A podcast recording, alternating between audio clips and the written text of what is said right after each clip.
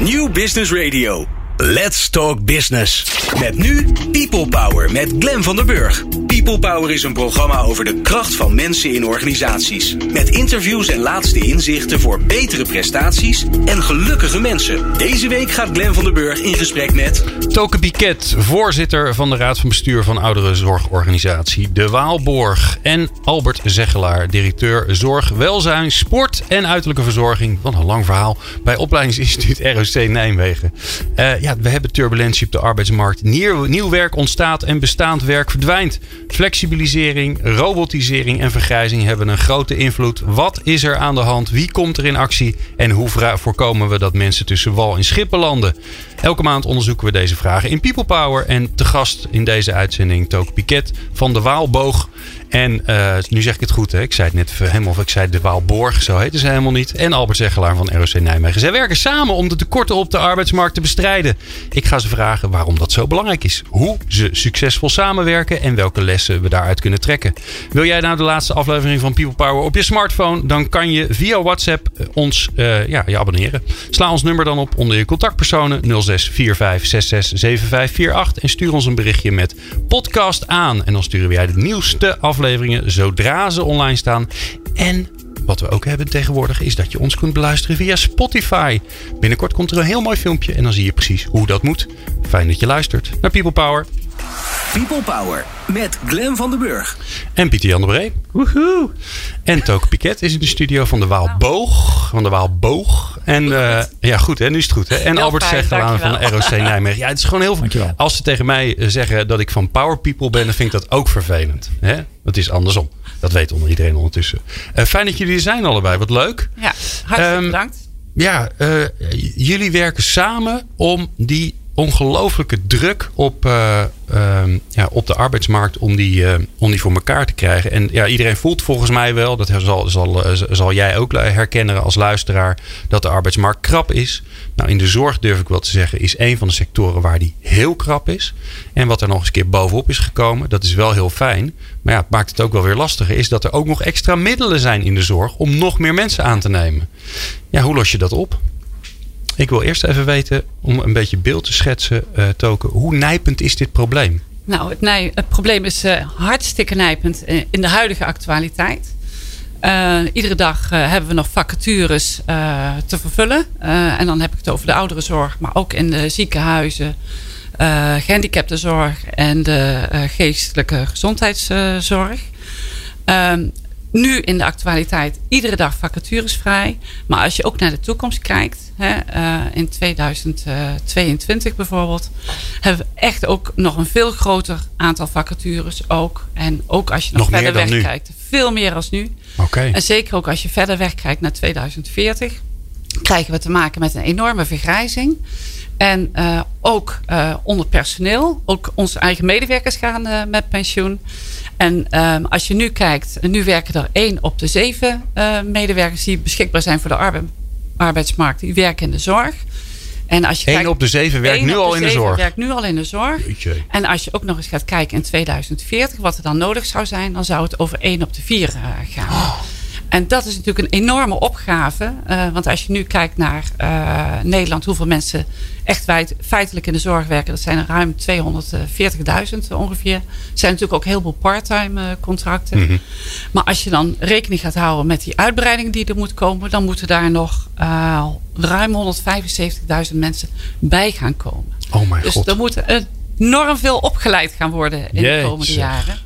En dat is echt een uh, waanzinnige opgave. En dat vraagt echt dat je met allerlei partijen, zoals het ROC, maar de HAN hm. en de universiteit, heel goed gaat samenwerken. En als je nou naar jouw eigen organisatie kijkt, hè, de Waalboog, ja. doet nu echt ja. niet meer verkeerd. Nee. Um, uh, hoeveel vacatures hebben jullie dan nu ongeveer? Ja, we hebben nu ongeveer uh, 13 vacatures uh, en op diverse niveaus. En dat gaat met name op het verzorgende niveau 3, MBO 3 verzorging, IG en op verpleegkundig niveau. Oké, okay, dan dat denk ik nou 13. Dat, valt, valt best wel mee. mee. Maar als je kijkt naar dat dat uh, best structureel is, dan geeft dat een enorme werkdruk. En wat ja, ja, ja. we juist ook willen, je had het net over al die extra middelen. Uh, wat wij ontzettend belangrijk vinden. De zorg is een hartstikke mooie sector om voor te werken. Maar het beeld moet niet zo zijn dat je daar met een enorme werkdruk te maken krijgt. Mm. En Volgens mij is dat waar het over gaat. Dat je met elkaar op een comfortabele manier, op een veilige manier, op een manier uh, waarop je met elkaar echt ook goed overleg kunt voeren. Echt aandacht kunt hebben voor de familie en voor de klant waar je het voor uh, doet. Voor de vrijwilligers waarmee je samen moet werken. Dan moet je daar ook tijd voor kunnen maken. En zolang je permanent vacatures hebt, geeft dat druk voor iedereen individueel in de beleving en ook voor de organisatie. Ja, want ik hoor je zeggen, hè, de, de, uh, het werk wat niet gedaan kan worden door die mensen die er nog niet zijn, hè, die, die, die, die, structurele vacatures die je hebt, dat wordt eigenlijk opgevangen door de mensen die er al werken. Ja. En dus gaat hun werkdruk omhoog. Ja, zijn er nou ook dingen die, uh, wat, zijn er ook andere effecten, dingen die je bijvoorbeeld niet kunt doen? Je gewoon zegt, ja, nou, daar, ja, daar hebben we gewoon geen tijd nou ja, Wat je natuurlijk ziet is dat de zorg enorm verzwaard is in de afgelopen tien jaar. Hè, waar vroeger mensen ook echt woonden, ja, die werden 65 of 70. En die gingen naar een bejaardentehuis. Hè, mijn oma deed dat. Mhm. Uh, dat is niet meer. Je komt er alleen maar als je echt een bepaalde zorgproblematiek hebt. Ja. En dat betekent dus ook dat die leuke wandeling die je vroeger met iemand kon gaan doen en het leuke praatje op de hoek bij een cafeetje, dat daar geen tijd meer voor is. En daar zul je juist ook uh, op een andere manier aandacht aan moeten schenken. Dat kun je ook met vrijwilligers ook uh, veel meer, denk ik, in gaan vullen. Samen met familie ook kijken wat uh, zij kunnen betekenen. Maar waar het volgens mij ook om gaat, is dat het huidige potentieel aan personeel, die moet ook leren om met die veel zwaardere zorgen om te gaan. Dus dat betekent ook heel veel verandering in die werkzaamheden. Ja. En maar ik hoor, we, hebben hier uh, vorig jaar een, een, reeks gemaakt over de ouderenzorg. En daar hoorde je juist ook steeds weer terugkomen. Ja, het, uh, de, de, de zorg wordt steeds complexer. Mm -hmm. maar juist die, die persoonlijke aandacht, hè, dat wandelingetje, dat gesprek, die hand vast te houden. Daar zit juist de meerwaarde in, waardoor het weer, waardoor, ja, A, wat zo mooi is aan het vak. Uh, los van het zorg bieden is het ook fijn om, uh, om er voor iemand te zijn. Dat is ook waarom mensen het vak kiezen. En als daar geen ruimte meer voor is, ja. ja, dan, dan krijg je ook dat mensen om aandacht gaan vragen. Terwijl er misschien eigenlijk niet zoveel aan de hand is. Ja. Um, en ja, dat is natuurlijk wel jammer als dat niet meer past, omdat het zo druk is. Nou, je hebt daar helemaal gelijk in, denk ik, dat het een terecht punt is. Uh, wat ik wilde aangeven is dat mensen ook moeten leren om anders te kijken naar de rol die ze kunnen vervullen. En mhm. de manier waarop ze daar die vrijwilligers en die familie ook bij kunnen betrekken. En ja, al die tijd is er niet meer om die wandelingen allemaal te doen. Maar soms zijn we ook heel erg gedreven vanuit het systeem om allerlei handelingetjes en regeltjes te volgen. Terwijl als je inderdaad even die aandacht geeft, hè, even bij iemand stilstaat, even een hand op zijn arm legt, even een uh, kleine vraag stellen en daarop wachten op het antwoord wat iemand gaat geven. En niet zomaar doorrollen, ik heb geen tijd. Uh, nou, dat gaat denk ik uh, echt ook die werkdruk uh, verminderen. Maar dat betekent wel dat mensen daar ook mee om moeten leren gaan. Ja. He, en dat ze ook, ik, laatst had ik ook een mooi concreet voorbeeld. Ik liep mee in de zorg. Dat probeer ik dan één keer in de maand een paar uur te doen. Om te kijken hoe gaat het en problemen te horen. Of juist mooie dingen te zien. En toen was het ook echt even heel erg druk. Echt zo'n piekmomentje. Uh, maar toen zei ook een collega van... Goh, als jij straks even met meneer of mevrouw... even een momentje van rust uh, wilt hebben... maak even een afspraak dat je even later op de middag langskomt bij iemand. En dan kun je wel dat rustmoment uh, creëren. En dan heb je ook invloed op je eigen werkindeling. En dat maakt ook dat je blijer van je werk weer vandaan uh, kunt komen. Ja, mooi. Albert, uh, jij werkt bij eh, ROC Nijmegen. Uh, je bent de directeur van heel veel, maar daar, zit, er valt ook de zorg onder, om het maar even zo simpel te houden. Want dat klopt. Je hebt zo'n lange titel. Um, als je nou kijkt naar um, oké, okay, die arbeidsmarkt, er is heel veel vraag. Um, maar je kunt het ook omdraaien. Er is ook te weinig aanbod. Hoe komt dat nou toch? Terwijl het zo, hè, als je jullie erover hoort, dat jij gaat het waarschijnlijk ook doen. Het is een prachtig vak. Hoe komt het nou toch dat er, dat er eigenlijk voor het mooie te weinig uh, uh, jongens en meiden en mannen en vrouwen kiezen voor dit vak? Ja, allereerst dankjewel voor de uitnodiging. Heel fijn dat ik hier vanmiddag mag zijn en mee mag praten om nou, in ieder geval wat bij te dragen aan de tekorten op die, op die arbeidsmarkt. Um, je, je vraag is uh, best wel een omvattende vraag, denk ik. Ik kan in ieder geval wel even reflecteren op datgene wat, uh, wat ik zie in onze school en ook wel wat ik zie in onze sectoren. Uh, een belangrijk aspect wat speelt uh, is ook wel uh, de imago-problematiek. Niet iedere student kiest automatisch voor de zorg en in het bijzonder voor de ouderenzorg. Dus we hebben echt wel uh, wat werk te verrichten om mensen juist dat mooie aspect van die ouderenzorg te laten zien. Zoals eigenlijk Token net al schetste hoe betekenisvol je zou kunnen zijn in dat werk. En mooie complexe problematiek waar je als professional mee kan werken. Om dat goed onder, onder de aandacht te brengen. Mm -hmm. Een belangrijk aspect is ook, denk ik wel, de demografische ontwikkeling. We zien aan de ene kant uh, vergrijzing ontstaan. Er worden meer mensen oud. En tegelijkertijd zien wij in het onderwijs dat er ook minder kinderen geboren worden. En dat er een minder grote instroom in het onderwijs uh, plaatsvindt. Wij werken ook heel veel samen met het voortgezet onderwijs. En daar, uh, daar is die afname al heel erg manifest. Dus daar proberen we op voor te okay, bereiden. Dus het is ook ontgroening? Ja, het is zeker ontgroening. Ja. En misschien ook een aspect wat interessant is om nu te noemen, is dat er ook wel een concurrentie op die arbeidsmarkt is. Bijvoorbeeld tussen die zorgsector en ook wel tussen de technieksector. Dus we proberen al onze studenten natuurlijk eh, goed voor te lichten en mee te nemen naar een passende opleiding. Uh, maar er zijn ook grote vraagstukken in de, in de techniek, uh, om er maar eens eentje te noemen. Dus dat zijn wel aspecten die spelen om ook voldoende uh, en voldoende toegeruste mensen op de arbeidsmarkt van zorg en welzijn te krijgen. Ja, en als jullie nou hebben, we vragen jullie allebei. Als je nou, nou dit, volgens mij herkent iedereen dit, dat dit er is. Dat zeker mensen die in de, in de zorgsector zitten, die snappen dit. Wat zien jullie nou dat, dat organisaties doen om, om het om het korte termijn probleem. Hè, je hebt gewoon vacatures, die moeten gewoon ingevuld worden. Hoe, hoe lossen ze dat nu op? Dus hoe zorgen ze ervoor dat ze inderdaad volgende maand vier mensen erbij hebben? Ja. Zal ik daar een antwoord Ja, het ook ga je uh, nou, ik denk uh, misschien nog voor we naar die invulling gaan kijken. Uh, de afgelopen tijd heeft er ook toe geleid, hè, al die problemen met het eh, aantrekken van personeel, dat we anders over functieinvulling zijn gaan denken. Ehm, twintig jaar geleden waren we heel erg van mening dat mensen integrale functie uh, moesten hebben. En dat betekende ook dat verpleegkundigen, hoogopgeleid, HBOV, uh, hè, in ieder geval in die categorie, ook mensen zouden wassen, bellen soms afnemen, schoonmaken. Vanuit het besef van ik ben met één iemand bezig en ik doe alle handelingen.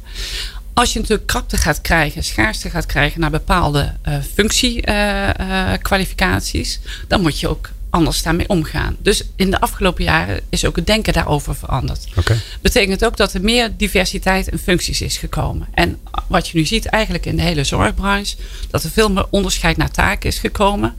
Wat kunnen vrijwilligers doen? Gastvrouwen in een ziekenhuis bijvoorbeeld. Zo'n eh, iemand, eh, een functie die echt ook in de laatste jaren gecreëerd is. Uh, wat we bij ons zien, is dat we veel meer met woonassistenten en zorgassistenten zijn gaan werken. Mensen die juist ook vanuit het facilitaire bedrijf een huishoudelijke achtergrond hebben. Echt in dat interieur gewerkt hebben. Maar die het eigenlijk ook heel leuk vinden om aandacht uh, aan mensen te geven. Als ze hun eigen persoonlijke eigendommen uh, kunnen hm. schoonmaken. Hun eigen appartementen. En waar we veel meer in de sector breed naar zijn gaan kijken. Is hoe we meer die diversiteit in de functies kunnen aanbrengen. Dus dat maakt ook als je naar de arbeidsmarkt gaat kijken Um, een van de oplossingen die er dan komen, is dat je mensen uit andere sectoren aan kan trekken. Die bijvoorbeeld altijd in het interieur hebben gewerkt, maar die wel geïnteresseerd zijn om in, als woonassistent te gaan werken. En de appartementen van mensen schoon te gaan maken. Met ondertussen even een kopje koffie en aandacht voor iemand zelf. Dat haalt die druk op die andere functies er wat af. Nou, en dat is eigenlijk volgens mij een ontwikkeling die uh, breder bezig is. En daar kun je dus ook je instroomprogramma's, je werving en je selectie en je opleidingsprogramma's heel nadrukkelijk anders op toerusten. En maakt dat dan bijvoorbeeld ook dat het makkelijker is om mensen kennis te laten maken met de zorg? Want ik kan me ook voorstellen dat dat best wel lastig is. Dat als je, als je zo'n drempel opwerkt en zegt... Iedereen moet HBOV hebben of iedereen moet MBO 4 niveau hebben... dat het zo lastig is om, om, ja, om, er, om erin te groeien en door te groeien. Ja. Nou, dat is wat ook echt echt ook in onze regio, denk ik, in de afgelopen jaren heel erg in geïnvesteerd is. In de samenwerking tussen hogescholen, ROC's, uh, zorgorganisaties, met gemeenten erbij. Uh, samen met WZW, een werkgeversorganisatie voor zorg en welzijn. Ook uh, iedere regio in Nederland heeft zijn organisatie, een werkgeversorganisatie. Daar worden ook extra middelen voor vrijgemaakt door de overheid vanuit onderwijs, vanuit VWS, om extra mensen op te leiden in de zorg via allerlei nieuwe wegen. En dan kun je dus ook veel meer gericht op bepaalde doelgroepen. Mensen met een bepaalde maatschappelijke achterstand. Hè, die vanuit een andere positie komen. Uit andere landen eventueel komen. Uh, om die veel beter op maat uh, toe te leiden. En ik denk dat dat de omslag is geweest die in de afgelopen jaren heeft plaatsgevonden veel minder standaard programma's maken, maar veel meer op maat met elkaar programma's gaan ontwikkelen, afhankelijk van de functies en de doelgroepen die je wilt bereiken. Oké, mooi. Um, waar ik straks benieuwd naar ben, is um, hoe jullie samenwerking er dan uitziet. En ik zeg al jullie, hè, maar dat, die is groter dan jullie met z'n tweeën. Maar het past allemaal niet in de studio. Ehm, want uh, wat ik me ook goed kan voorstellen is dat uh, de makkelijkste manier om aan goed personeel te komen, is het gewoon bij je buurman vandaan halen. En dat hoor je straks. People Power. Inspirerende gesprekken over de kracht van mensen in organisaties. Met Glen van der Burg. En Pieter Jan de Bree. Ja, ik ga zeggen er al een keer gewoon heel braaf bij, want dat is mijn fijne collega. Um, in de studio hebben we het ook Piket van de Waalboog en Albert Zegelaar van ROC Nijmegen. En we praten met elkaar over, uh, ja, over de arbeidsmarkt. In dit geval de arbeidsmarkt in de zorg. Want uh, daar is heel veel druk op. Dat heb je uh, net gehoord. En ja, de grote vraag is dan: wat doe je eraan? Nou, een van de antwoorden daarop zou kunnen zijn uh, gaan met elkaar samenwerken. En daarom uh, nou, zijn jullie allebei in de studio. Want er is een samenwerkingsverband uh, gesmeed in, in het Nijmeegse, in de regio Nijmegen. En nou ja, de beste om daarover te vertellen zijn jullie zelf. Dus wat, wat hebben jullie gedaan? Ja, we doen eigenlijk heel, heel veel dingen samen. Ik denk dat het, net, het netwerk in het Nijmeegse, daar doe je het netwerk denk ik ook mee tekort. Want dat zijn heel veel netwerken, maar die we wel vanuit een bepaalde inhoud en passie proberen te besturen. En ik denk dat het belangrijkste in dat netwerk is dat je elkaar als eh, professionals, of je nou bestuurder bent of uh, onderwijsmanager of, uh, of professional, maar dat je elkaar als professionals probeert te vinden en echt oprecht nieuwsgierig bent naar wat de problematiek precies is en hoe je gezamenlijk een bijdrage kunt leveren aan dat arbeidsmarktvraagstuk bij ons in de regio. Ja. En wat ik de kracht vind van ons netwerk is dat dat heel erg goed lukt. Dus we zijn gecommitteerd om elkaar op te zoeken op de momenten uh, die er zijn en die ertoe doen. We zijn aan elkaar gecommitteerd om ook door te vragen, uh, de vraagstukken goed te articuleren.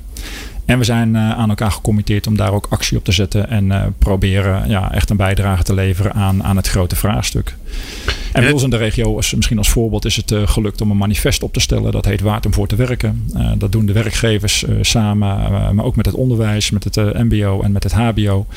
En nog wat andere faciliterende partijen. En langs een aantal programmalijnen proberen we daadwerkelijk uh, in die gezamenlijkheid uh, invulling te geven aan, aan gelijke vraagstukken. Eén ding, nou één ding, dat integreert mij heel veel. Maar één ding die, die, waar ik dan gelijk op blijf hangen, is dat je zegt: hè, het, lukt, het lukt ons om elkaar op te zoeken. En uh, ik vind het zelf briljant eenvoudig, namelijk als je gaat samenwerken. Volgens mij kan iedereen dat bedenken. En toch is dat heel lastig. Ja. Dus waarom lukt het jullie, Token?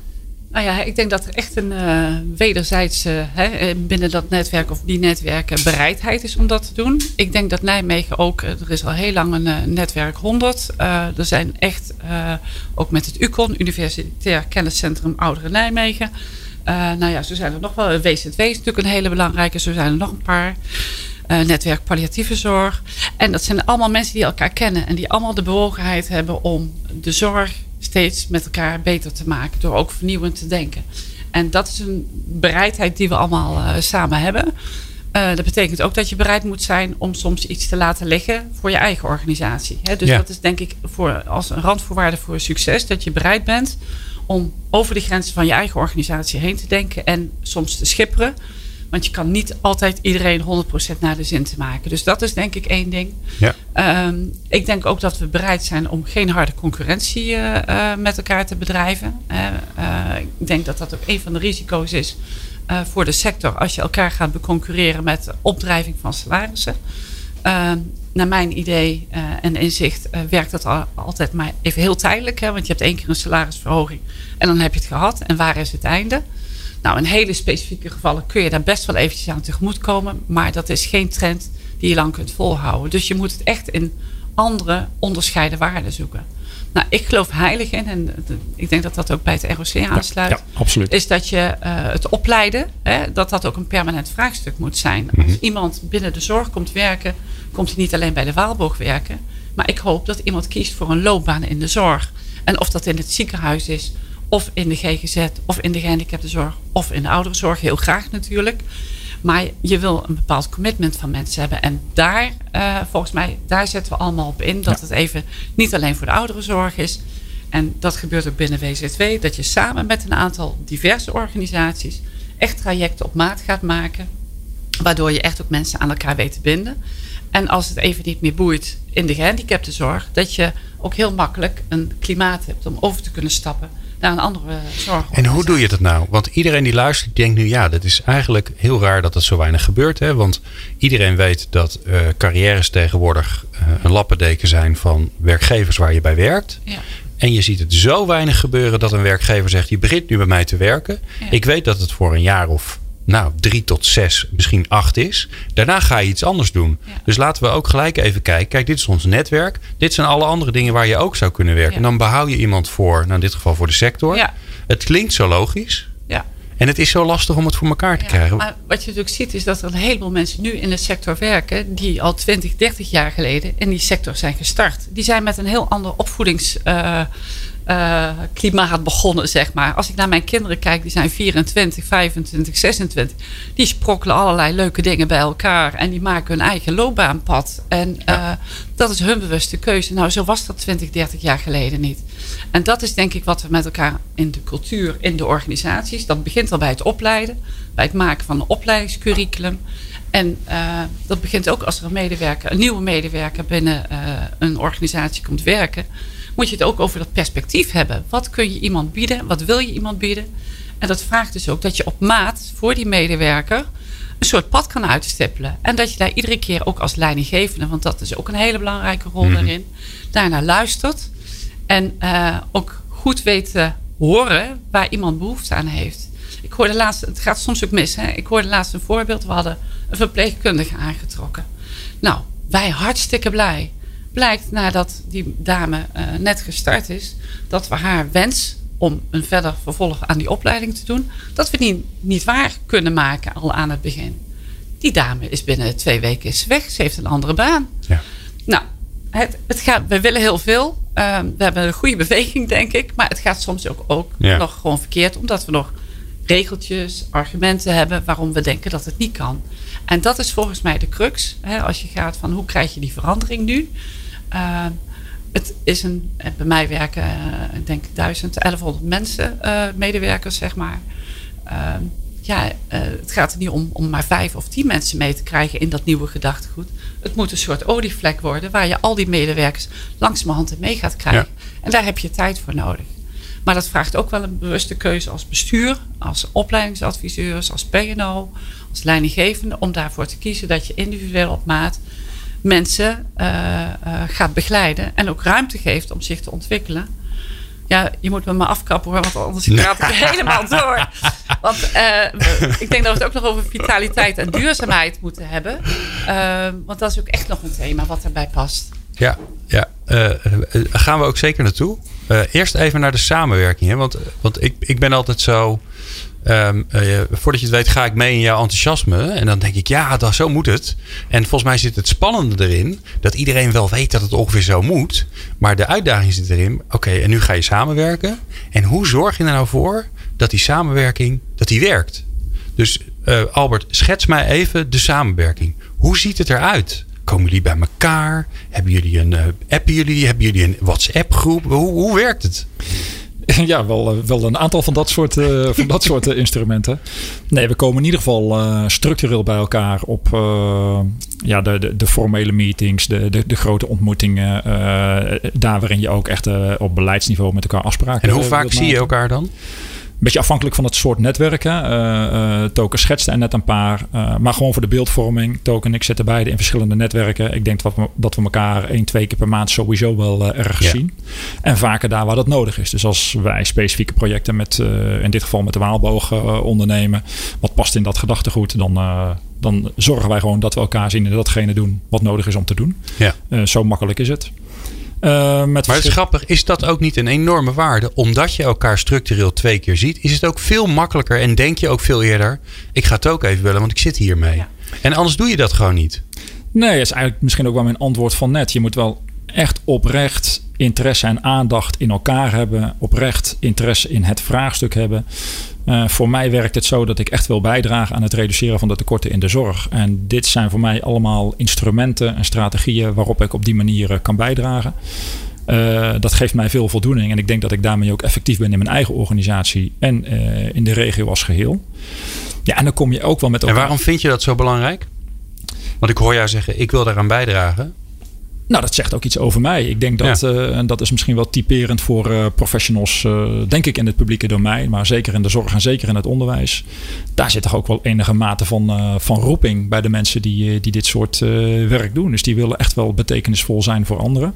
Maar het is de kunst om te kijken waar je het meest betekenisvol vol kunt zijn. En ik denk dat Token net terecht schetste als we bewegingen zien op de arbeidsmarkt die vragen om ontwikkelingen uh, zodat uh, medewerkers meer kunnen migreren tussen organisaties en door de tijd heen. Ja, wat betekent dat dan voor mij als onderwijs? Dus dat betekent ook dat ik in die, in die, in die, in die onderwijssetting moet zorgen dat uh, studenten dat al op heel snel niveau kunnen ervaren. Dus ja. onze opleiding was heel erg verzeld. We hadden een aparte verplegingsopleiding en een aparte zorgopleiding en een aparte maatschappelijke zorgopleiding. Nou, om dat voorbeeld af te maken. We hebben gewoon eigenlijk gezegd met het team. Uh, ja, dat, gaan we, dat gaan we bij elkaar zetten. Dus een student moet eigenlijk al uh, op, op dag één dat hij binnenkomt. ook migreren door die opleidingspaden heen. En op verschillende niveaus stage kunnen lopen. En uh, innovatieve vormen van stage kunnen zien. In, in de organisaties waar de zorg wordt geboden. Maar misschien moeten we ook de doelgroep bij ons in huis halen. nou, allemaal dat soort innovaties laten we daarop los. Om eigenlijk voor de lange termijn ervoor te zorgen dat die mensen ook voor de zorg behouden worden. Uh, zien en voelen dat je kunt migreren, dat je kunt ontwikkelen, dat je kunt blijven leren, dat je kunt blijven groeien. Uh, ik denk dat de regio Nijmegen echt een, uh, een, een, mooie omgeving is. Een echte care community waar je dat ook voor langere tijd kunt doen. Daar ja. is veel te doen, veel te halen en veel te brengen. Ja. Ja, het is steeds weer onze rol van hoe faciliteren we dat proces nou optimaal. Nou, dat, dat zijn denk ik een paar voorbeelden van waar we elkaar vinden. En hoe we dan vraagstukken meenemen in onze eigen organisatie. Hoe we dat dan doen. En ook weer terugbrengen bij elkaar. Van nou, wat zijn nu de resultaten? Werkt dit nu ook? Hoe kunnen we aanscherpen? Oké. Ja. En Token, als je het nou concreet moet maken, hè, want samenwerking vindt iedereen altijd fantastisch. Maar, maar wat, wat ontstaat daar nou uit? Iets waarvan je zegt van nou, dat, daar liepen we tegenaan. Dat pakken we nu samen op. Ja. Nou, bijvoorbeeld, eh, als ik, ik heb net een heel mooi voorbeeld gehoord, ook uit uh, onze samenwerking. Uh, Ehm, we hebben een wijk in Nijmegen, uh, Neerbos Oost. En uh, daar wonen is echt een hele grote mate van vergrijzing. En ook van ja, soms achterstandsproblematiek, om het zo maar te horen. Daar zijn we in samenwerking met de Rabobank en Rijk van Nijmegen, de gemeente, heel breed gezelschap, een heel breed netwerk. Ehm, zijn, zijn er allerlei projecten opgestart. En een van de projecten uh, die in Neerbos-Oost is opgestart, dat noemen we dan Silver Valley. Nou, dat gaat te ver om dat uit te leggen. Maar waar het op neerkomt, is dat we op een hele andere manier concreet uh, leerlingen van het ROC hebben aangetrokken. Die zijn net deze week gestart om uh, stage bij ons te lopen. Twee dagdelen in de week, geloof ik, gedurende een aantal maanden. Twintig, dacht ik, stagiaires. En daar worden heel concreet op maat gepast, uh, passend bij die doelgroep, worden er activiteiten afgesproken die ze binnen de Waalboog uh, gaan doen.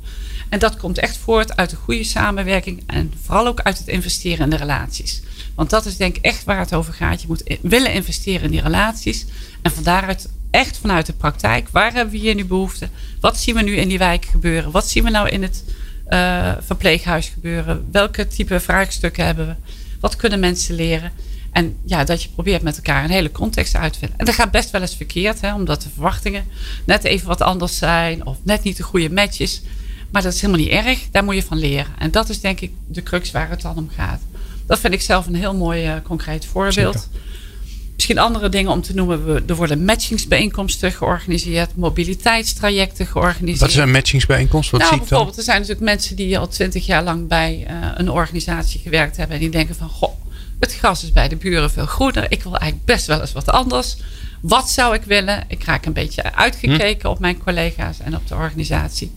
En dan kunnen we met uh, bepaalde programma's, die we ook in onderling overleg hebben gemaakt, uh, kunnen mensen gewoon gaan kijken: waar sta ik nu? Wat wil ik nu? Hoe zie ik mijn loopbaan? Wat heb ik ervoor nodig? We kunnen een coaching krijgen. Uh, we organiseren bijeenkomsten daarbij dat werkgevers gaan vertellen welke vacatures je hebt. En daar kun je op intekenen. Je kunt pitchen als uh, persoon. Ik ben uh, token. Ik heb nu dit en dit en dit allemaal gedaan. Uh, ik ben op zoek naar een werkgever die. Nou, en dan komen er hele mooie verbindingen tot stand. En dat werkt heel inspirerend. En, ga, en heb je dan al meegemaakt dat er iemand van de Waalboog gaat werken bij, even plat gezegd, de concurrent? En zo zien jullie dat ja, natuurlijk helemaal niet. Ja, maar die gaat ja. gewoon bij, uh, bij ouderenzorginstelling. Uh, ja, bij de buren werken. maar dan komen ze ook weer terug. Dat is het leuke. Want bij jullie is het veel leuker natuurlijk. ja, toevallig net twee weken geleden iemand die dacht: ik ga bij de buren kijken of bij een van de buren. Ja. En, ehm, en die is ook weer teruggekomen. En dat vind ik nou mooi om te horen. Dat er toch iets, en daar gaat het dus uiteindelijk om. Want daarom geloof ik ook niet in die salaris-arbeidsvoorwaarden. maar even. Maar het gaat erom de sfeer die je hebt in je organisatie. Hoe heet je mensen welkom? Ja. Hoe benader je ze? Uh, zeg je van nou, zo doen we het hier en dit zijn de regels. Of ga je samen op zoek naar wat je uh, met elkaar voor de klant en de bewoners en voor de familie kunt betekenen. En dat is een hele andere zoektocht. Ja. En daar zit het onderscheidende in volgens mij. Mooi. Um, waar ik het straks met jullie over wil hebben, in ieder geval, um, zijn twee dingen. Eén is, uh, ik ben nog op zoek naar een, uh, een vraag van jullie aan minister van Engelshoven. Want daar ga ik binnenkort bij langs, minister van Onderwijs. Of jullie een vraag aan haar hebben. Die kun je, kun je straks stellen. maar wat ik ook van jullie wil weten is... nou, we hebben het al even gehad over het imago van de zorg. Van hoe, hoe zorgen jullie er nou met elkaar voor... dat het voor jonge mensen... of misschien ook wel gewoon zij-instromers... interessanter wordt om die zorg in te gaan? En dat hoor je zo. People Power met Glen van der Burg. Meer luisteren? people-power.nl In de studio Toke Piket van De Waalboog en Albert Zegelaar van ROC Nijmegen. Zij werken in het Nijmeegse met elkaar samen en nog met veel meer organisaties. Uh, om uh, samen met elkaar het meerkoppige monster van uh, de krapte op de arbeidsmarkt te bevechten.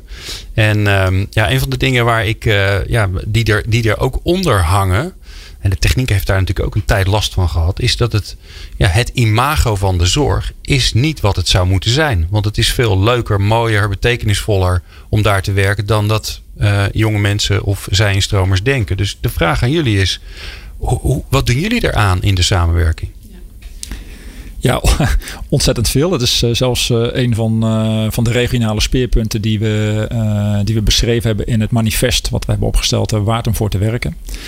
En ik denk wat belangrijk is, is dat je een bepaalde doelgroep uh, bereikt. Dus uh, dat begint wat ons betreft ook al uh, bij de jeugd, in het primair onderwijs, in het voortgezet onderwijs. die populatie die gevoelig is voor, voor zij-instroom en nieuwe toetreders op de arbeidsmarkt. Dus dat moet je denk ik wel goed in beeld hebben. Mm -hmm. Ja, en ik zelf word wel altijd warm van de echt inhoudelijke aspecten die zo mooi zijn aan de zorg. Dus dat moet je vooral onder, over het voetlicht brengen. Dus uh, ik zei zojuist al even die betekenisvolheid voor anderen. Wat betekent dat nou echt? Hè? Dus uh, iemand anders echt een stap verder kunnen helpen. Uh, en hoe doe je dat dan? Hè? Want, want als jij zegt tegen mij het betekenisvolle van de zorg, dan kan ik me er alles bij voorstellen. Maar als je dat tegen nou, mijn dochter van 15 zou zeggen, dan kijkt ze je aan. Betekenisvol, ik snap er helemaal niks van. Wat, wat zou je tegen mijn dochter van 15 zeggen? Nou, dat, dat, ik denk dat je vooral uh, bijvoorbeeld de dag van een oudere echt een stuk mooier kunt maken door jouw aanwezigheid. En dat is meer dan alleen uh, een pleister plakken op de wonden, maar aanwezig zijn, uh, het praatje willen maken en de wandeling willen maken in, in de buitentuin. En daar een glimlach op het gezicht van een oudere voor terug toveren. Ik denk dat dat een, een fantastisch iets is ehm, wat je moet vertellen, maar wat je ook moet ervaren. Dus we willen ook graag dat die doelgroepen die zorg kan ervaren in vormen van stages, bij elkaar in de keuken kijken, meeloopdagen. Ja. Maar er zit ook een aspect in wat ik heel expliciet zou willen benoemen. Is er, er is ook een grote doelgroep die is uh, niet bekend met de zorg. En bijvoorbeeld ook niet bekend met alle mooie innovaties in de zorg. De zorg is wel een sector waar enorm veel innovatie plaatsvindt. Op het snijvlak van technologie, techniek, digitalisering en de zorg zelf. Hm. Uh, waarvan ik merk dat ook een grote doelgroep, dat als je je daar meer in verdiept en bij betrekt, het hartstikke interessant vinden om uh, ook op dat uh, gebied in de zorg ja, grappig, aan de te willen. Ja, want die, die, die twee die lijken wel mijlen van ver ja. van elkaar te staan, wat natuurlijk onzin is. Ja, ja we proberen dat natuurlijk echt bij elkaar te halen. Hè. We hebben ook in de regio is er een convenant afgesloten rondom het project Tech Adoptie.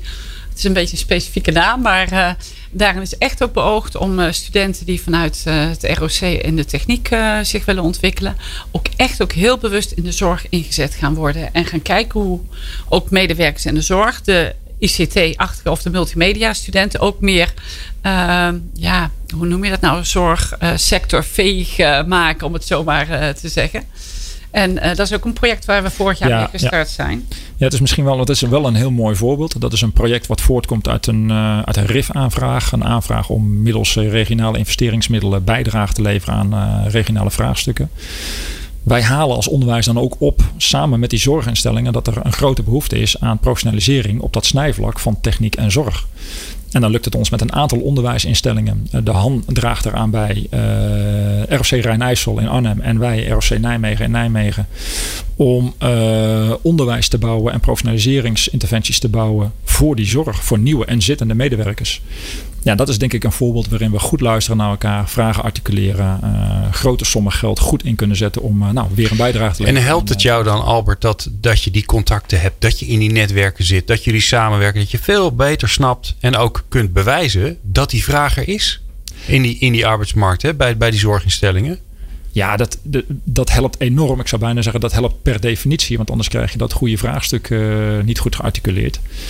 En het helpt enorm om dan ook nog meer of een nog groter netwerk te mobiliseren. Uh, die zorginstellingen zijn vaak groot, gaan ook over de regio heen. En, uh, wat, wat wij bijvoorbeeld doen, is uh, onze onderwijspartners daar veel meer bij betrekken. Dus het is niet ook het feestje van ROC Nijmegen. Nee, wij proberen af te stemmen met Rijn-IJssel in Arnhem. We proberen af te stemmen met uh, ROC A12 in Ede, met Rivor in Tiel. Van dat vraagstuk, wat vraagt dat nou aan welk soort opleidingen of aan mhm. welk niveau is nou eigenlijk uh, vraag naar? Uh, welk type medewerker wordt er nu gezocht, zodat je ook als onderwijsinstellingen gezamenlijk responsief kunt zijn naar, uh, naar het overregionale uh, spelende vraagstuk. Nou, daar komt ook zo'n zo'n groot project als tech-adoptie uit voort. Ja. Dus ja, dat, dat lukt enorm als je elkaar goed weet te vinden. Het is dus bijna een beetje een rode draad door dit interview, maar elkaar oprecht weten te vinden, elkaar blijven bevragen, oprecht geïnteresseerd zijn in elkaar, dat, dat helpt enorm. Ja. En ook als jij nou kijkt naar die, naar die, die, die nou, laten we zeggen, het, het, het beeld op de arbeidsmarkt van de zorg.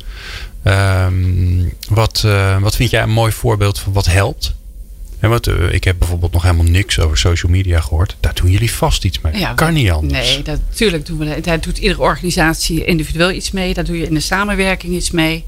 LinkedIn wordt natuurlijk gebruikt, Facebook, uh, ja, uh, Instagram. Dat is nog een beetje uh, lastig soms hè, in verband met alle foto's en ja. die AVG-wetgeving die er is. Um, wat ik denk hele mooie voorbeelden vind, is ook mensen die juist ook via een nieuwe weg zijn ingestroomd, hè, via een hele specifieke leerweg op maat, die zelf in filmpjes vertellen van hoe zij het ervaren hebben. Mensen die uit een hele andere sector komen, bijvoorbeeld vanuit de GGZ of de verslavingszorg, maar die nu in de ouderenzorg gaan werken of in de gehandicaptenzorg.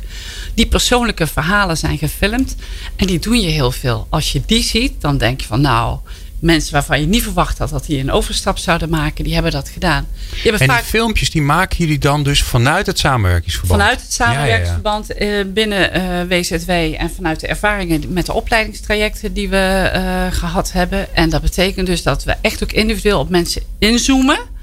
Uh, van ja, waar stond je, waar wil je heen, waar liep je tegenaan? En waar ben je uiteindelijk geland? En wat betekent dat voor je? Nou, dan zit je met je tranen in de ogen.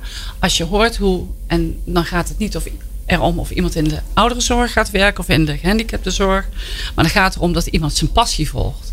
En dat hij dicht bij zichzelf is hmm. gekomen. En dat is volgens mij de essentie waar we allemaal naar op zoek zijn, dat mensen ruimte hebben voor eigen ontwikkeling en ontplooiing, waardoor die persoon ook gewoon lekker in zijn vel zit. En voelt dat hij zelf van betekenis kan zijn voor anderen.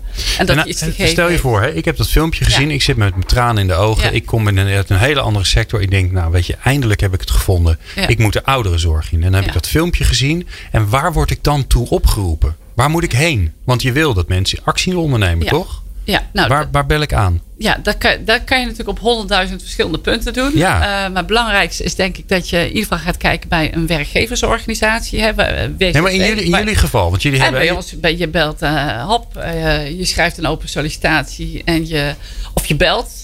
ik, wil, ik heb zin in een baan. Oké, maar er is niet een, het samenwerkingsverband heeft niet een soort één loket gecreëerd nee. van stuur hier je verhaal naartoe en dan gaan we voor je zorgen. Nee, dat okay. hebben we niet. Ik, dat is misschien nog een aardig idee. Ja, misschien zou ik, ik zou bijna willen, willen zeggen dat is misschien wel een soort next level. Wat we wel zien is juist door dit, dit soort initiatieven dat het bepaalde werkgevers lukt om grote programma's daarop los te laten. collega zorginstelling is het bijvoorbeeld gelukt om met echt een, met een substantieel aantal nieuwe instromers samen met onderwijs daar een kennismakings- en onderwijstraject voor te maken. Dus dat zijn gewoon de doelgroep die je net, die je net beschrijft. Kom zes weken meelopen. Is dit echt wat voor je? Dan kom je in een soort leerwerktraject. Eén dag in de week ga je bij ons studeren en je gaat uh, aan de slag als, uh, zorgverlenende in, in zo'n instelling. Ja. Nou, dat zijn ook initiatieven die we met elkaar evalueren, op waarde inschatten en kijken, nou, wat kun je opschalen? Is dit nou succesvol? Kunnen we daar de volgende, de volgende stap in maken? Dus ik, het is eigenlijk een heel mooi voorbeeld wat mij betreft. Ja. ja. er is ook een heel programma, dacht ik, van Ik Zorg heet dat nu. nieuwe campagne die er wordt ontwikkeld en is ontwikkeld en nu in gang gezet. met name gericht op jongeren, om die aan te trekken. Ook CNV als vakbond, een van de vakbonden, is daar ook heel actief of initiator zelfs van. En dat zijn wel hele mooie campagnes waarmee je heel gericht bepaalde doelgroepen vanuit een bepaald gevoel en een bepaalde motivatie kunt uh, aanspreken. En volgens mij is dat de kern uh, wat je moet doen. Nou kan ik me ook voorstellen, ik ga even, even vervelend doen. Dat mag ik ook wel eens. Ik ben altijd zo, zo aardig mhm. voor altijd voor mijn gasten. Nu, um, uh, nu hebben jullie die mooie filmpjes. Heel veel mensen kijken daarnaar. En ze bellen allemaal aan bij de Waalboog. Dan krijg je scheve gezichten. Ja, dat zou ook niet de bedoeling zijn. En zo werkt het denk ik ook niet. Nee, want dat gebeurt gewoon niet? Nou, dat, dat, nee, dat gebeurt niet. Mensen gaan toch uh, ook shoppen, uh, een eigen oriëntatie maken. Echt, uh, waar we straks ook eventjes over hadden. ja, wil je in een ziekenhuis rondkijken of wil je in de ouderenzorg rondkijken? mensen gaan toch even hun eigen zoektocht vervullen. En ik denk dat ook als je een goede uh, wervingsprocedure opzet, dan zit daar ook ruimte in om het gesprek te voeren van uh, hoe zie je je toekomst? Waar wil je werken? En dan ga je het erover hebben van misschien een tijdje eerst in de ouderenzorg en daarna in de uh, die meer dynamische omgeving van een ziekenhuis. Of juist andersom. Hè? Ja. En, nou, en ik denk dat dat ook juist ook de crux is van personeelsadviseurs en leidinggevenden. Om heel goed in te zoomen op ja, wat is nou precies je wens? Wat is je ambitie? Om mensen ook niet teleur te stellen. als je, uh, we hebben ook wel eens een mislukking gehad, om het zo maar te zeggen. Uh, iemand, een jong iemand, een verpleegkundige aangetrokken. Ja, die ging na het eerste jaar werken op de afdeling met palliatieve zorg. En ja, dat is gewoon ontzettend intensief. Dus ja. uh, daar moet je wel heel bewust van zijn van wat doe je uh, met iemand en hoe kan je iemand daarin begeleiden. En die persoon heeft er uiteindelijk ook voor gekozen om in een andere setting te werken. Dus dat is ja. eigenlijk. En dan is het dus de truc om diegene ja. te behouden voor de zorg. Want ik kan me ook voorstellen dat iemand denkt: dit is de zorg, dit is niks voor mij, ik ga in de horeca werken. Ja, dat kan ook. En andersom. Maar dat zou zonde ja. zijn. Nou ja, bedoel, in de horeca is het ook heel leuk. Het, maar... De horeca heeft ook heel groot tekort aan arbeidskracht. Ja. Hè? Dus er is heel veel concurrentie ja. tussen allerlei sectoren. Maar dat vind ik dus ook weer het mooie. Dat die ruimte gaat ontstaan. Dat je ook bewegingen tussen sectoren hebt. Wij hebben echt ook mensen uit een bankwezen of uh, vanuit uh, uh, gemeenteorganisaties gehad. Die echt een andere stap in hun loopbaan willen maken. En volgens mij moet je daar voortdurend naar op zoek. En dat blijft ook voor de andere sectoren, ook voor de ICT, heb je ook op, uh, in de huidige actualiteit techniek, wat jij uh, net zei. Ja. Ja, uh, techniek ook, in de zorg. ook enorm veel vacatures. Dus, ik wil, we zijn alweer bijna aan het einde. Ik wil graag naar jullie, jullie vraag toe. Ik heb jullie aan het, aan het begin van de, van de aflevering gevraagd. Welke vraag zouden jullie aan Ingrid van Engelshoven, de minister van Onderwijs, willen stellen? En zij is dan, er zijn er twee tegenwoordig. Hè.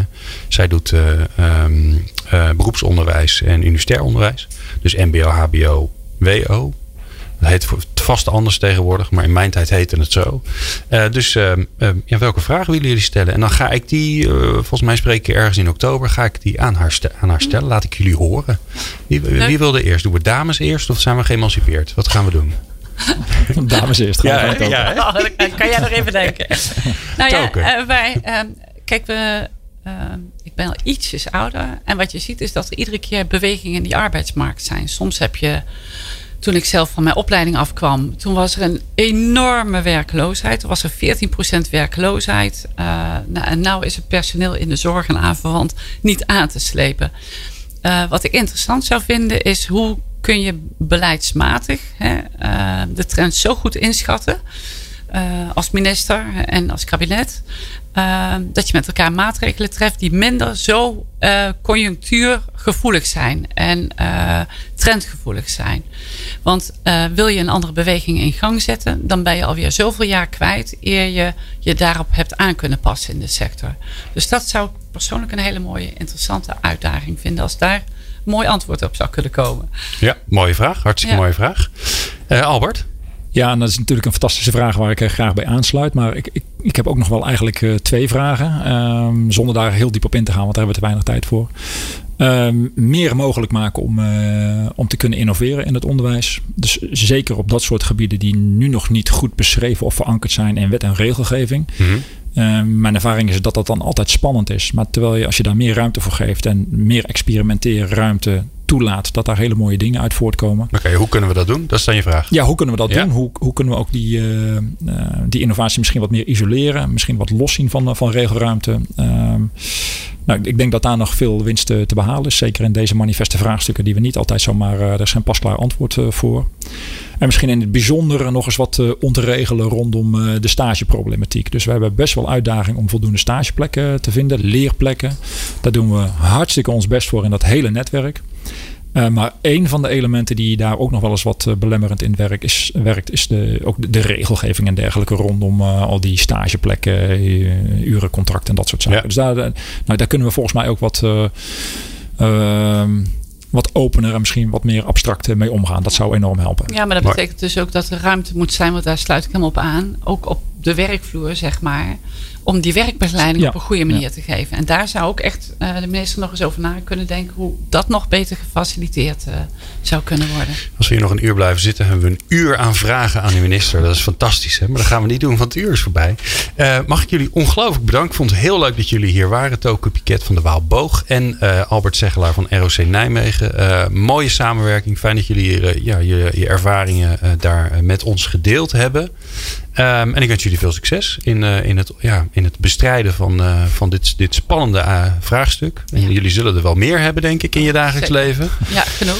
Ja, um, wij gaan straks in de volgende aflevering van People Power. Is het weer tijd voor HR Creates People Power. In dit geval met Irene van den Broek. Zij is HR-directeur van TNO. En dat is best wel spannend, want TNO doet zelf heel veel onderzoek naar werk en prestatie en geluk.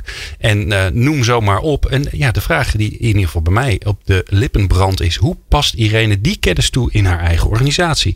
En dat hoor je in de volgende aflevering van People Power.